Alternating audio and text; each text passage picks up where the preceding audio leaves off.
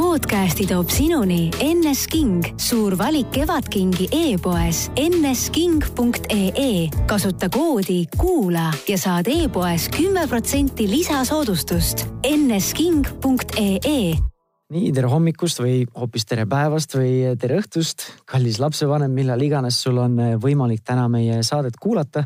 see on Pere ja Kodu podcast või veebiraadio ja mina olen saatejuht Tanel Jeppinen ja täna on meil järjekordne külaline siin stuudios ja me stuudioväliselt oleme natukene juba lobisenud ja minu enda jaoks on väga põnev teema täna. meil on täna stuudios Külli Holsting. ja tere. tervist, aitäh, et sa võtsid meie jaoks aega.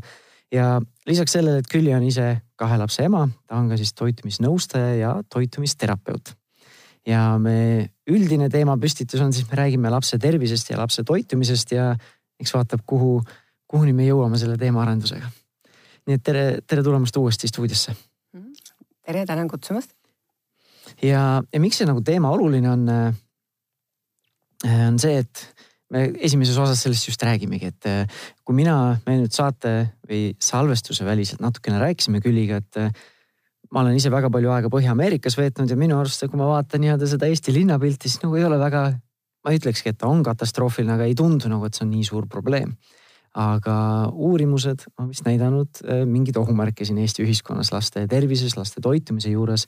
ja selle teema püstituseks võib-olla alguses ma paluksingi sul Külli natukene siis nii-öelda valgustada meid, et mis siis, milline see seis on Eesti, Eesti laste tervise ja Eesti laste toitumise nii-öelda kontekstis no alati võib vaadata, et kas klaas on pooltühi või pooltäis, et sõltubki nagu vaatenurgast, aga kahjuks jah, need uuringud, mida siis Tervise Arengu Instituut on nüüd viimasel ajal läbi viinud, kinnitavad meile ikkagi seda, et iga neljas esimesse klassi minev laps on kas natuke ülekaaluline või lausa rasvunud.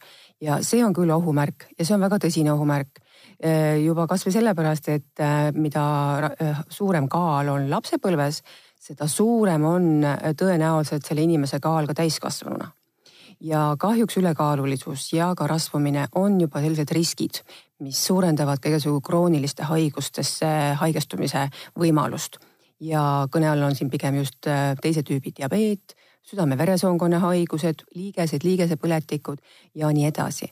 nii et kui me tahame, et meie tulevane põlvkond oleks terve, maksujõuline, heas vormis, siis tegelikult meie kõigi ülesanne on mõelda selle peale, et kuidas meie lapsed saaksid olla paremas vormis, paremas toitumuses ja parem toitumine ei tähenda alati seda, et ülekaaluline laps on ka kindlasti väga hästi toitunud.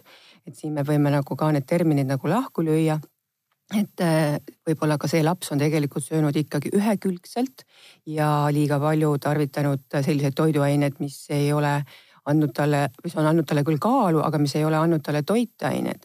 Ehk et äh, mida me veel oleme uuringutes kahjuks äh, täheldanud, on see, et, et meie lapsed söövad näiteks väga vähe köögivilju.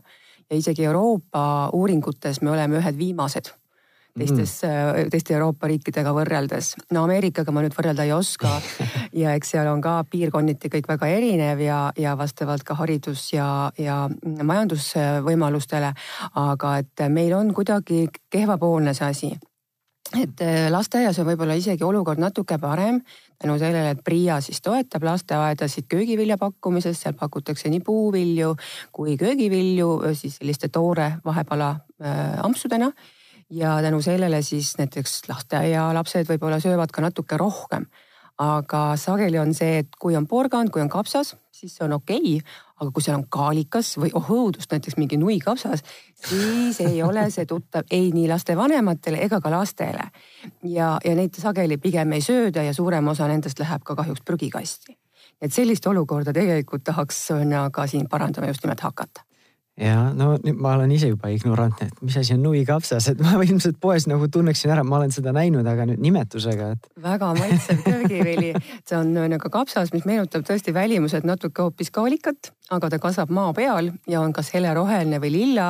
müüakse meie enamus poodides, tuleb ära koorida ja ära viilutada ja ongi sihuke mõnus krõmpsuv äh, köögivili, mida võib nagu näksida kas vahepalaks või hoopis salati asemele sinna juurde no nuikapsast ma väga oma lastele ilmselt pakkunud ei ole siis, et aga me brookolit ja lillkapsast ja tomatit ja porgandit ja paprikat ja kurke sööme hea meelega kõik mm, -hmm. nii et. Mhm. jah, eks see brokoli tundub olevat kõigile veel õudsem asi kui see nuikapsas muidugi. ja Aga..., ja see brokoli tundub millegipärast selline lapsevanemate teema, temaatikas selline millegipärast see nagu näidis juurvili või see köögivili olevat, et see on see, mida alati lapsed ei nagu ei taha ja siis ma ei tea, kas ta on siis nii toitainete rikas, et see on nagu selline nagu näidiseks tuuakse kogu aeg. Jah, kahjuks nii ongi, et selles brokolis on neid toitaineid, just nimelt need, millest me räägimegi, vitamiinid, mineraalained ja ka need fütotoitained ehk et mida leidub ainult taimedes.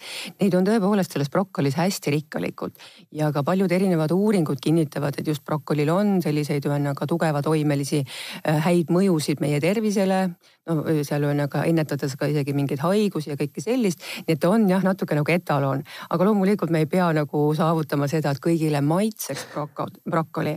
et, et me täiskasvanu ka ju mõtleme, et äh, meil on väga selge, et ühed armastavad teed, teised kohvi. Ja, aga laste puhul me eeldame, et kõigile peavad maitsema need, mida me neile peame pakkuma. Mm aga tuleks natukene selle alguse teema juurde tagasi või võtaks selle suuremat pilti veel, et, et mul oli endale ikkagi võrdlemisi suur üllatus, kui sa ütlesid isegi Euroopa Liidus või Euroopas, me oleme pigem seal tagaotsas nende köögiviljade söömise eh, poolest. sest mina ei tea ikka, Eesti on see talurahvas ja mm, -hmm. ja selline mulje või kuvand on jäänud, et see, et see toitumine või noh, rämpstoidu söömine ja muud asjad ja vähem, noh, mida rohkem rämpstoitu süüakse, enamasti ju sööme siis vähem köögivilju, on ju.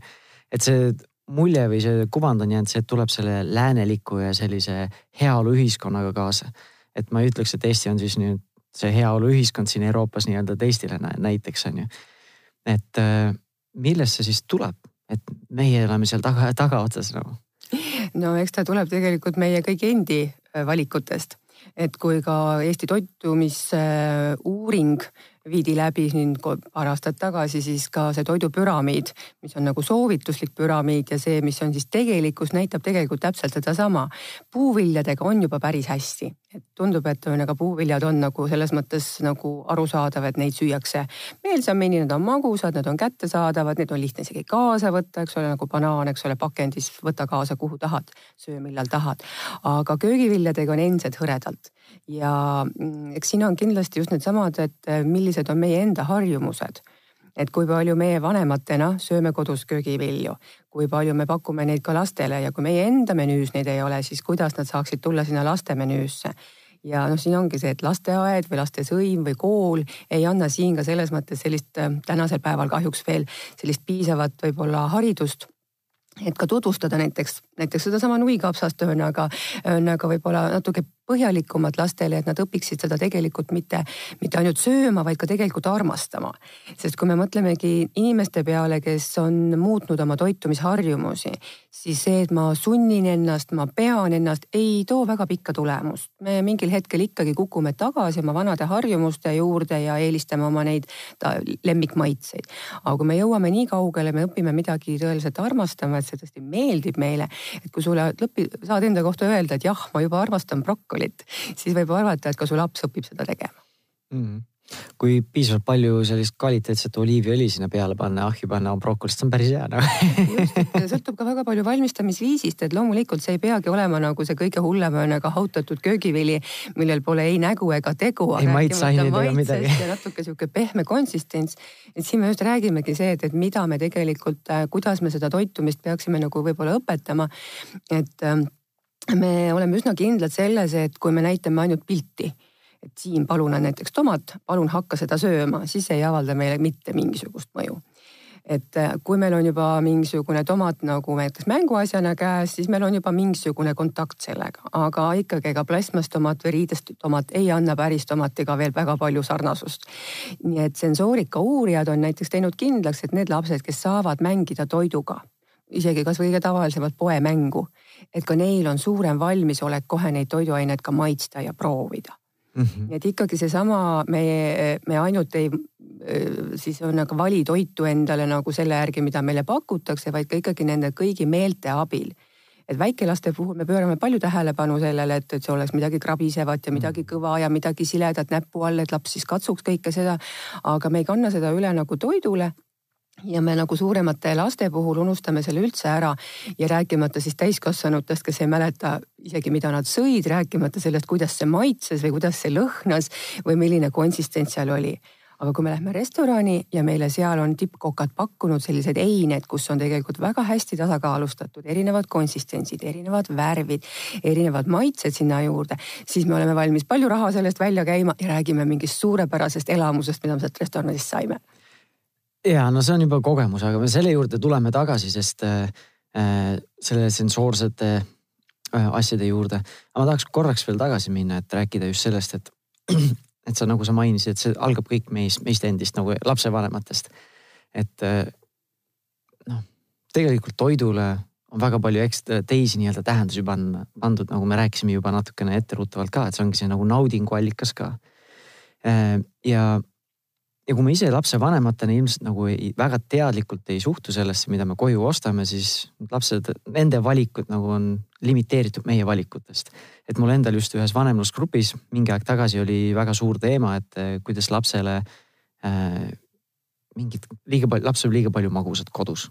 et siis kuidas sellest nagu lahti saada või kuidas seda vähendada, siis kõige nagu normaalsem vastus seal oligi see, et eh, laps ise ei osta seda magusat ju koju, et kui see magus on seal ja see laps on eelkooliealine, no tal ei ole seda impulsi kontrolli sellist nagu täiskasvanul. et kui see kommivaagen on sul seal laua peal, isegi kui täiskasvanuna vahepeal lähed mööda ja endal on nagu, nagu mõtted laiali, siis endalgi on nagu automaatselt kohe krabad selle juba varsti põses ja siis hakkad mõtlema, kas mul tegelikult oli seda vaja, onju. et eh, lapsel seda impulsi kontrolli on oluliselt vähem, et, et eh, meie lapsevanematena ikkagi nagu regu-, saame reguleerida päris palju sellega, millised meie enda toitumisharjumused on just täpselt ja, ja see ongi see, et, et kas, äh, kuidas nagu ilus lause kõlab midagi sellist, et, et vanem vastutab selle eest, mida äh, lapsele toiduks pakutakse ja laps vastutab ja otsustab seda, et kas ta sööb seda ja kui palju ta seda sööb. ja kui me sellest saaksime nagu rahulikult ilma emotsioonideta nagu rääkida ja, ja tegutseda selle põhjal, siis oleks kõik väga hästi. aga just nagu sa ütlesid, et me tegelikult omastame nagu toidule rohkem, kui see tegelikult on. et see, et ta naudinguallikas on, see on täiesti okei okay. ja seda loomulikult me peamegi nagu ennaga ka võib-olla natuke rohkem nagu meelde tuletama. aga me sageli seostame toidule ka erinevaid teisi äh, emotsioone. me vanemana armast-, arvame, et see on nagu armastuse väljend et äh, ja siis me räägime tavaliselt nendest vanavanematest, kes kogu aeg hellitavad lapsi kommide ja šokolaadidega. meie võib-olla isegi oleme range põhimõtte, et me ei ostagi koju mm. äh, kommi, aga vot siis tulevad need vanavanemad. aga nemad, kes nad on tulnud äh, va, puudusest võib-olla elanud üle selliseid raskeid aegu, nende jaoks magus on ikkagi just nimelt selline hellitus, selline on ka preemia, selline on ka mm, positiivne tunnustus ja eks me ju ise ka kultiveerime seda, et just see, et kui me hakkamegi oma magusat äh, kasutama näiteks lohutusena ehk et äh, söö supp ära, siis saad magustoitu mm. -hmm. see supp sellepärast paremini ei maitse, aga me siis ühesõnaga arvame, et selle nimel ühesõnaga pingutame supi sisse, et saada magustoitu. või et kukud põlve katki, et siis saad kohe mingit magusat maiustust. või et oled kurb, siis teeme ühesõnaga, ma ei tea, magusat kakaod või midagi muud, et miski nagu ühesõnaga parandaks meie tuju või, või läheb koolis, läheb hästi tagasiteel, võtame siis jäätist või ükskõik. just täpselt, et. preemia ja lohutus. preemia ja lohutus, et me tegelikult paneme hoopis teised asjad sinna juurde. ja väga huvitavat äh, fakti lugesin Hiina kohta, kus on, eks ole, ühe lapse poliitika olnud juba kaua ja kus täpselt samamoodi emad-isad käivad tööl, aga vanavanemad siis on aga hellitavad hulluks, sest ühel lapsel on ju kaks paari vanavanemaid, kellel ainult üks lapselaps, keda hellitada ja nad lihtsalt söödavad neid on kasu ümmarguseks kommide ja maiustustega, sest nad ise pole neid saanud. Ja nemad on väga nagu, nagu selgel arvamusel, et las, lapselapsed ongi nagu, nendega tegelemine ongi nagu preemia nagu maiustus. Ja seda tuleb ka lastega jagada mm.. et meil on võib-olla veel natuke parem, kui meil tänased uudised tulid just, et on järjest rohkem sünnib kolmandaid lapsi peresse ehk et nende vanavanemate koormus on ka tunduvalt rohkem lai-. see hellitamine on ära jaotatud. ära jaotatud laiali, täpselt. et äh, ma tahtsin küll nende spetsiifilisemate nõuannete juurde tulla natukene saate lõpuosas, aga nüüd, kui me juba ukse lahti tegime, et äh, mis siis nagu teha, kas seda magustoitu pakkuda niimoodi, kas ma ei tea, ma ei saa öelda, kas küsida, kas see on nüüd õige või vale, aga kuidas sellesse suhtuda nüüd äh,. kui ma ise märkan enda kodus, et ma kasutan seda magustoitu kui preemiana, et nüüd söö see praad ära, et siis saad magustoitu mm.. et milliseid signaale see äh, saadab lapsele ja mis on sellised nagu ohukohad äh,. miks sellele võib võib-olla teise pilguga vaadata sellisele käitumismustrile jah, et siin ongi nagu tegelikult küsimus see, et, et kui sageli seda juhtub ja kuidas me tegelikult tõesti ise käitume, et kõigepealt jah, jälgida enda käitumist, see on kõige esimene asi, sest eeskuju on väga nakkav ja seda kinnitavad ka teadusuuringud. et isegi Ameerikas, kus ühesõnaga see toitumine on nagu on, ikkagi ka sealsed uuringud ütlevad, et kui vanemad söövad rohkem köögivilju ja kui vanemad ja lapsed söövad koos kasvõi hommikusööki või vähemalt mingit ühte einet nagu päevas, seda parem on laste toitumine, seda rohkem nad söövad ka samamoodi neid köögivilju ja mitte ainult lapsepõlves, vaid läbi kogu elu. Nii et me saame oma sellised maitseharjumused, toidu käitumise ja ka suhtumise toitu kaasa ikkagi oma kodust. Nii et see on meil väga-väga määrav. Ja kui seal on midagi juba lahti, seal on mingid ühesõnaga probleemid ehk et jällegi see, et me hellitame siis magusaga või et me ei pea ka piiri ka ise või et äh, me ühesõnaga lihtsalt paneme ka selle ahvatluse enda jaoks välja, arvates, et see, et laps peaks õppima ka ennast nagu ühesõnaga pigem tagasi hoidma. et tõepoolest, nagu sa ütlesid, lapsel ei ole see käitumine veel niimoodi välja arenenud ja on ka neid vahvaid uuringuid, mis ütlevad, et aju kulutab väga palju ressurssi kiusatusega hakkama saamiseks.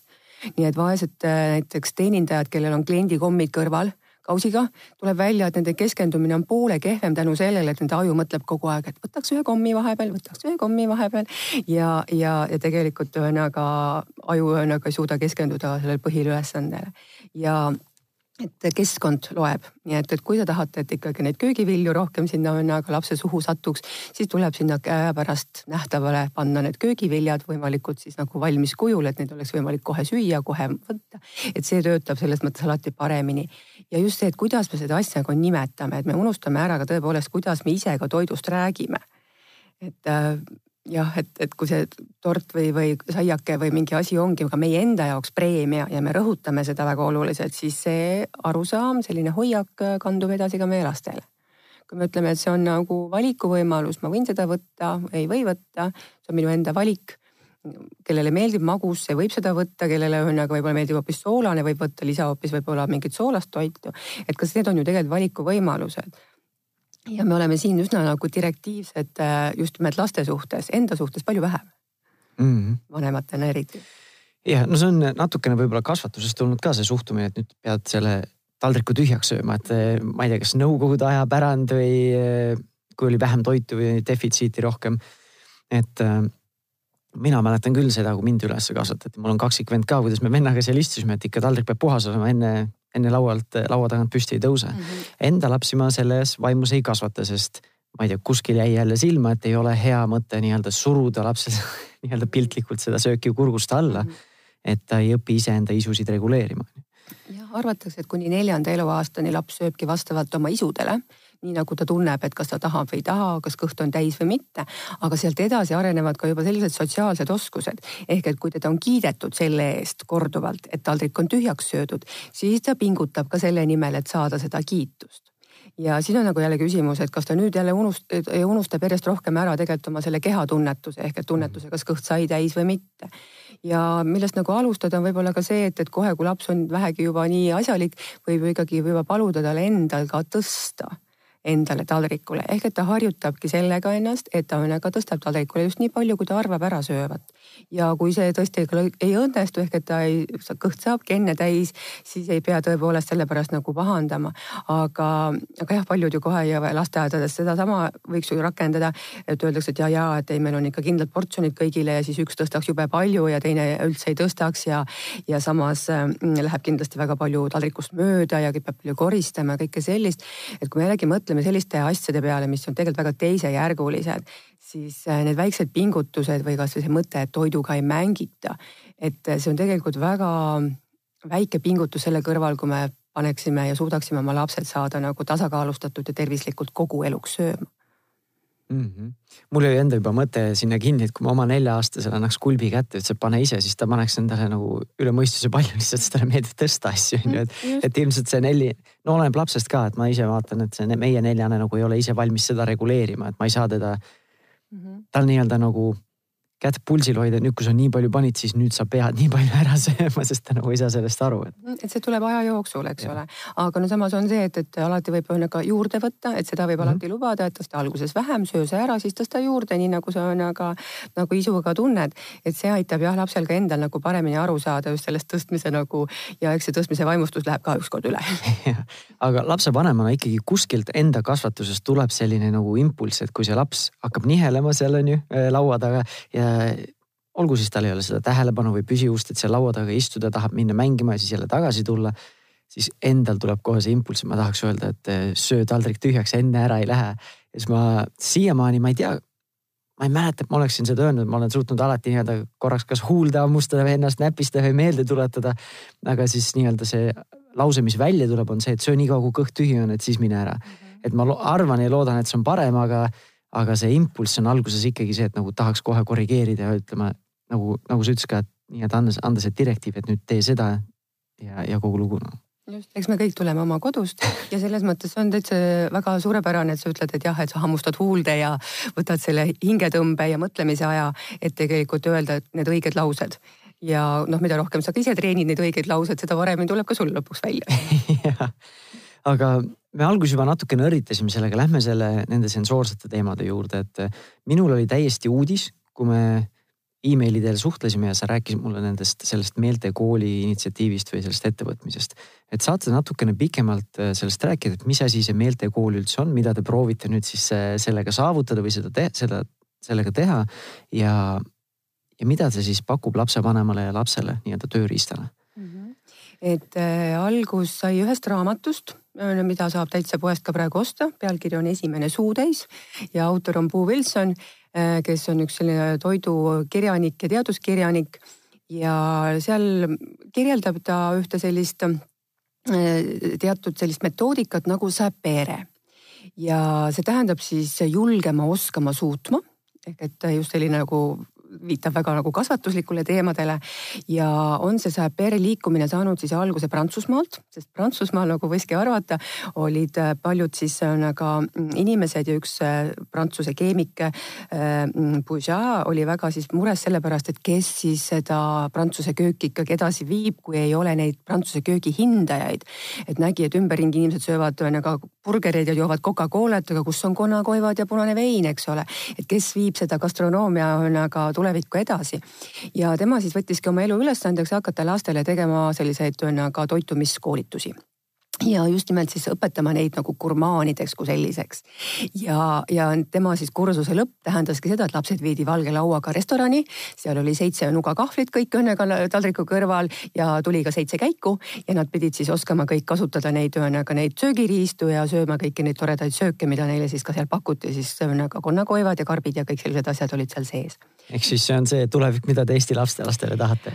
Eh, ei, meie ikkagi oleme läinud seda Skandinaavia teed, sest ka Skandinaavia reaalselt leidsid, et see on natuke liiga elitaarne aga kuna nad märkasid, et need lapsed tõepoolest suudavad teha väga häid valikuid tänu sellise ka koolituste eh, tulemusel, siis eh, skandinaavlased võtsid selle üle.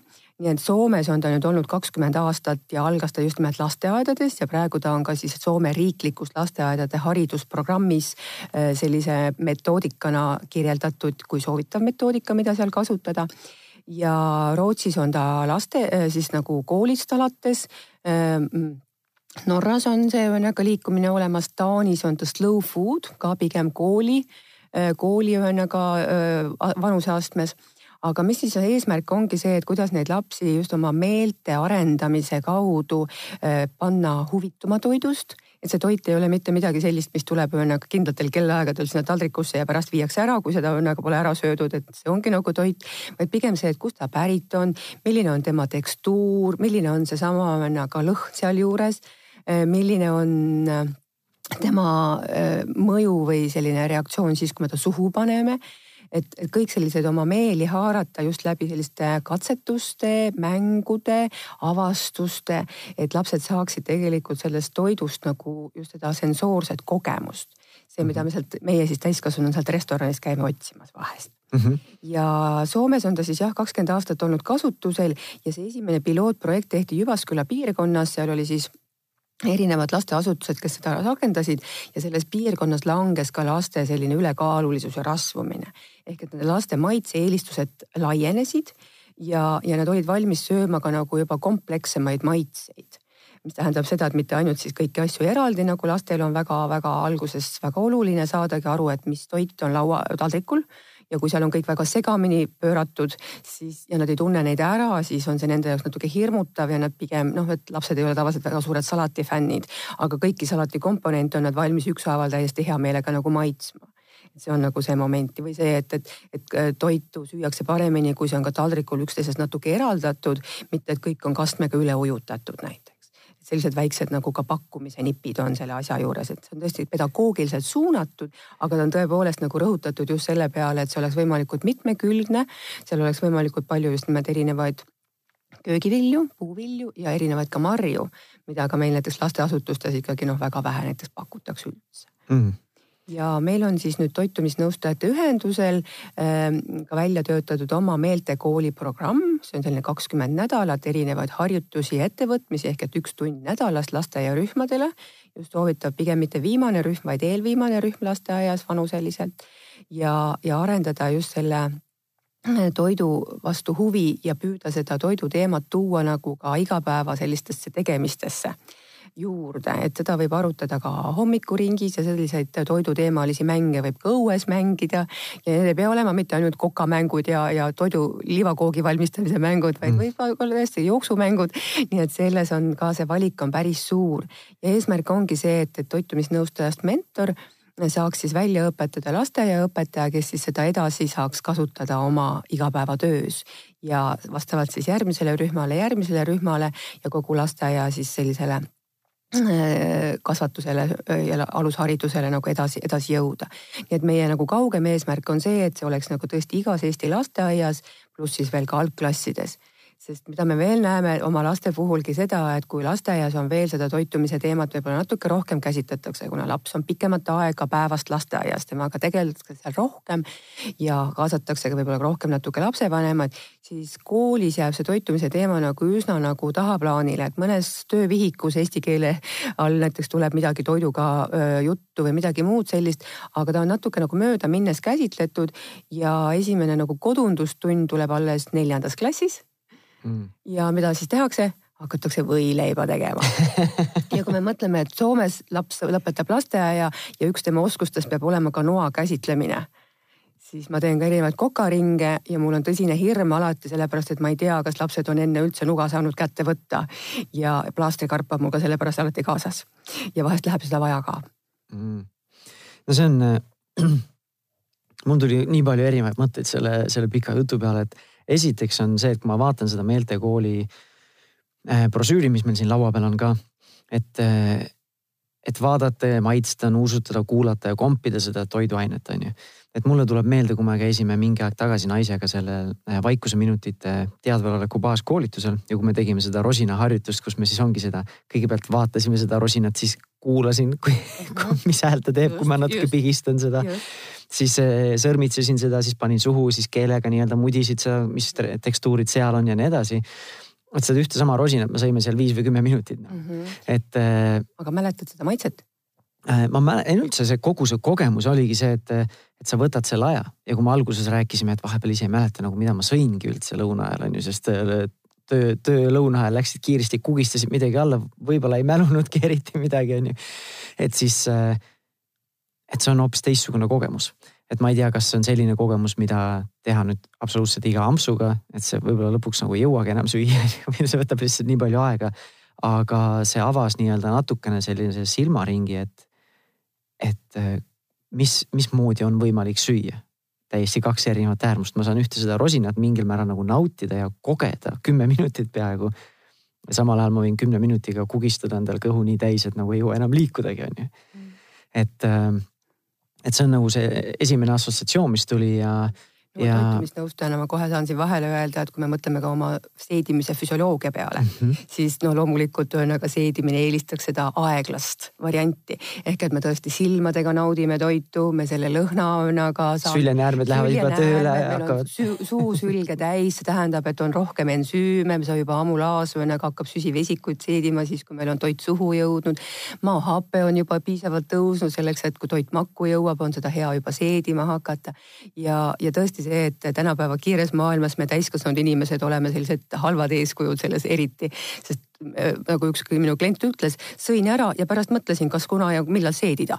ehk et, et tõepoolest selleks enam aega ei jää ja ka meie närvisüsteem tegelikult, kui me oleme stressis, pinges, siis sel ajal me ei, ei, organism ei tegele seedimisega, vaid pigem ühesõnaga tõstab veresuhkru kõrgele ja valmistab meid siis ühesõnaga võitlema või põgenema.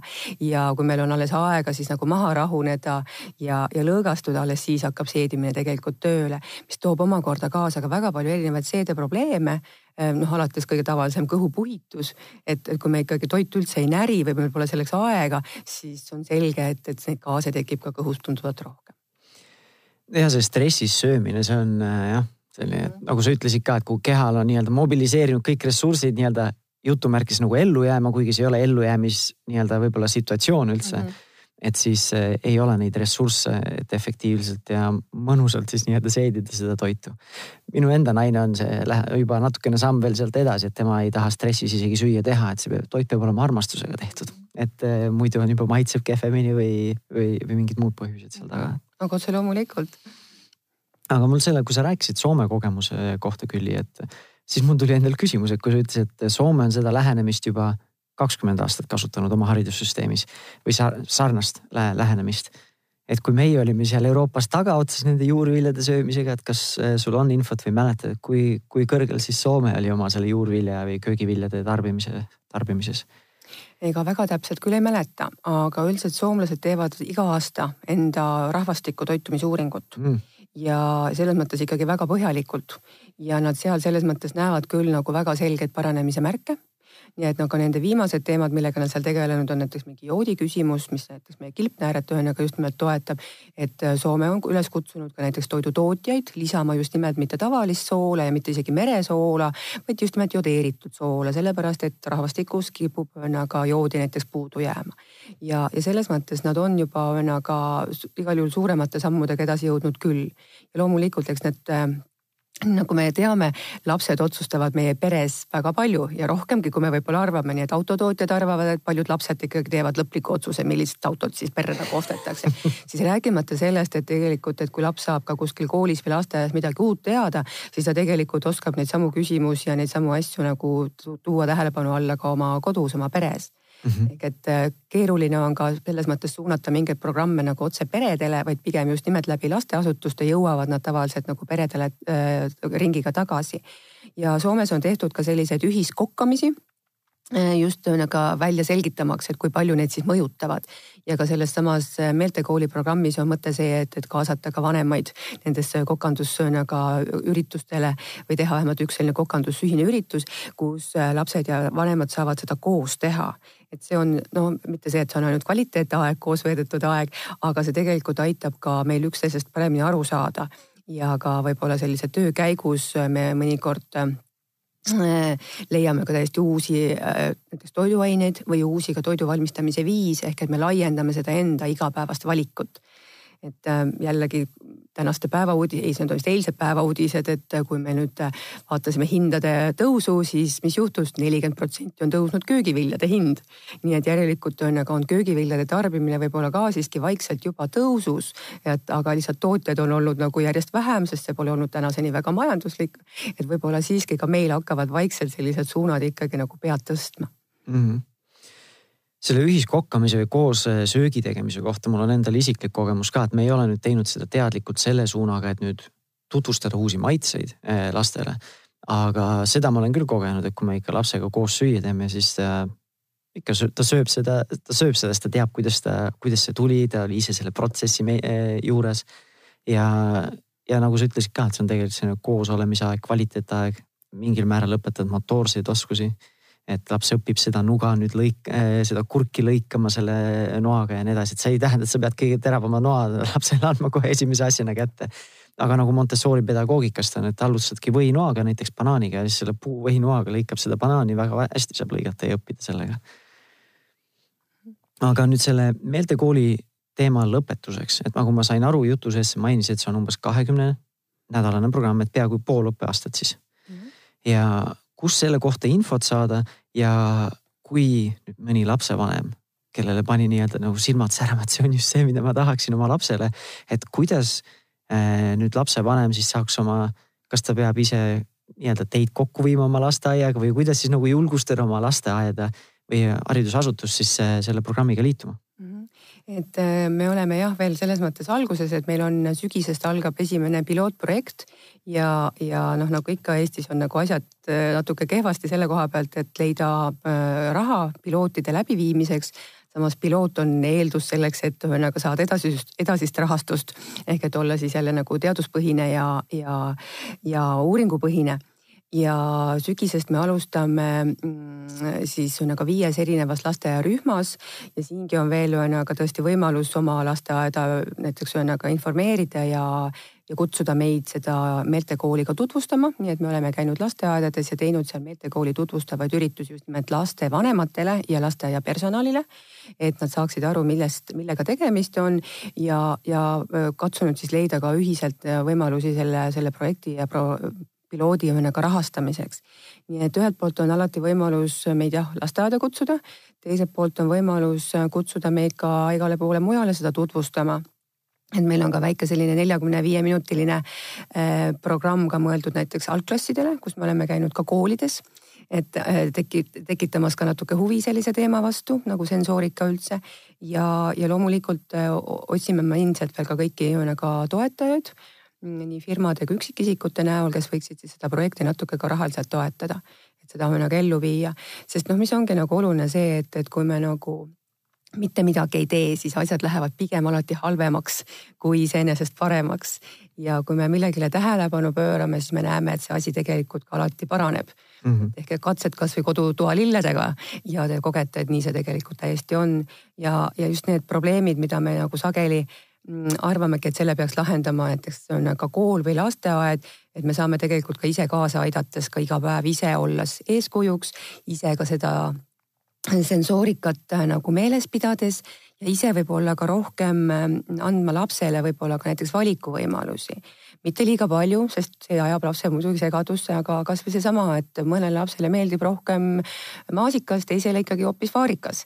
ja ka samas me ju eeldame, et, et kui minule meeldib maasikas, siis peab kogu pere ikkagi maasikas et me siin ka võib-olla natuke võib-olla sellist demokraatlikumat lähenemist sellistele nagu eelistustele ja, ja kogemuste nagu võimaldus, võimaldamisele ka kindlasti. Jah, äh, mul on küll nii palju küsimusi ja nii palju teemasid, kuhu veel minna, et meil praegu hakkab aeg otsa äh, saama aga et siin on nagu väga palju asju, me ei ole jõudnudki üldse rääkida spetsiifilisematest teemadest, näiteks nagu toidu talumatused ja, ja nendest nii-öelda tegelikkusest ja müütidest ja nii edasi. aga me ilmselt peame jätma selle vestluse järgmiseks korraks. Äh, nüüd, kui me, et saate lõpetuseks on, on veel mingid olulised asjad äh, nendest teemadest, mida me täna puudutasime, mis sina tundsid, et võib-olla ei saanud kas piisavalt tähelepanu või tahaksid veel nagu midagi rõhutada me rääkisime üks asi sellest meeltekoolist, rääkisime üldse sellest Eesti laste siis tervisest ja toitumisharjumustest, kust need tulevad, kes neid mõjutavad või kuidas nii-öelda neid mõjutada. et äh, on sul, tahad sa veel midagi ekstra siia öelda või, või ei? no alati tahaks midagi veel öelda et seda kindlasti ja aga, aga just see, et, et äh, eks see on äh, ikkagi selline koostöö küsimus et ähm, vanemad äh, saavadki ainult koos lastega seda nagu teemat äh, käsitleda, seda, seda lahendada ja eks muidugi tuleb igasugu probleeme, et selles mõttes ka võib-olla julgemalt ka pöörduda näiteks toitumisnõustajate, terapeutide poole. et äh, me ei ole selles mõttes kindlasti mingid kurjad tädid, et me nagu direktiivselt ütleme, et asjad, et viis portsjonit seda ja kolm portsjonit seda, vaid pigem ikkagi aitame just nimelt arutada ähm, ja, ja lahendada neid probleeme, mis lapsel, lapsevanemal vanemal on tulnud ette seoses oma lapse toitumisega.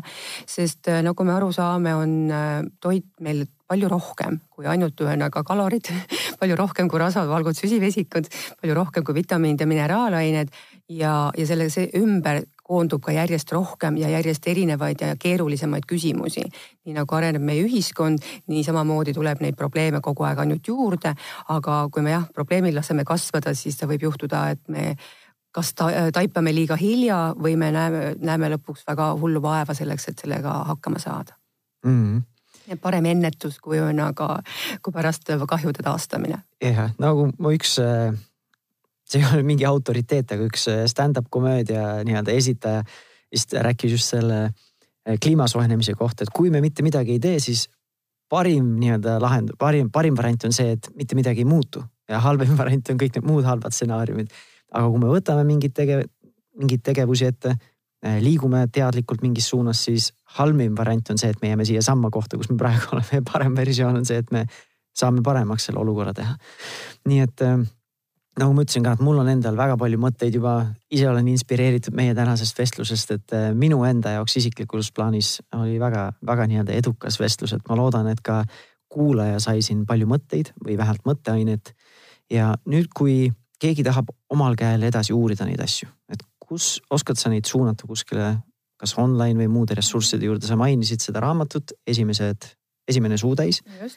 see on nagu selline üsna paks lugemine muidugi, aga meeltekooli kohta saab esimeselt infot siis Eesti Toitumisnõustajate Ühenduse kodulehekülje mhm. pealt, kus ongi eraldi rubriik meeltekool.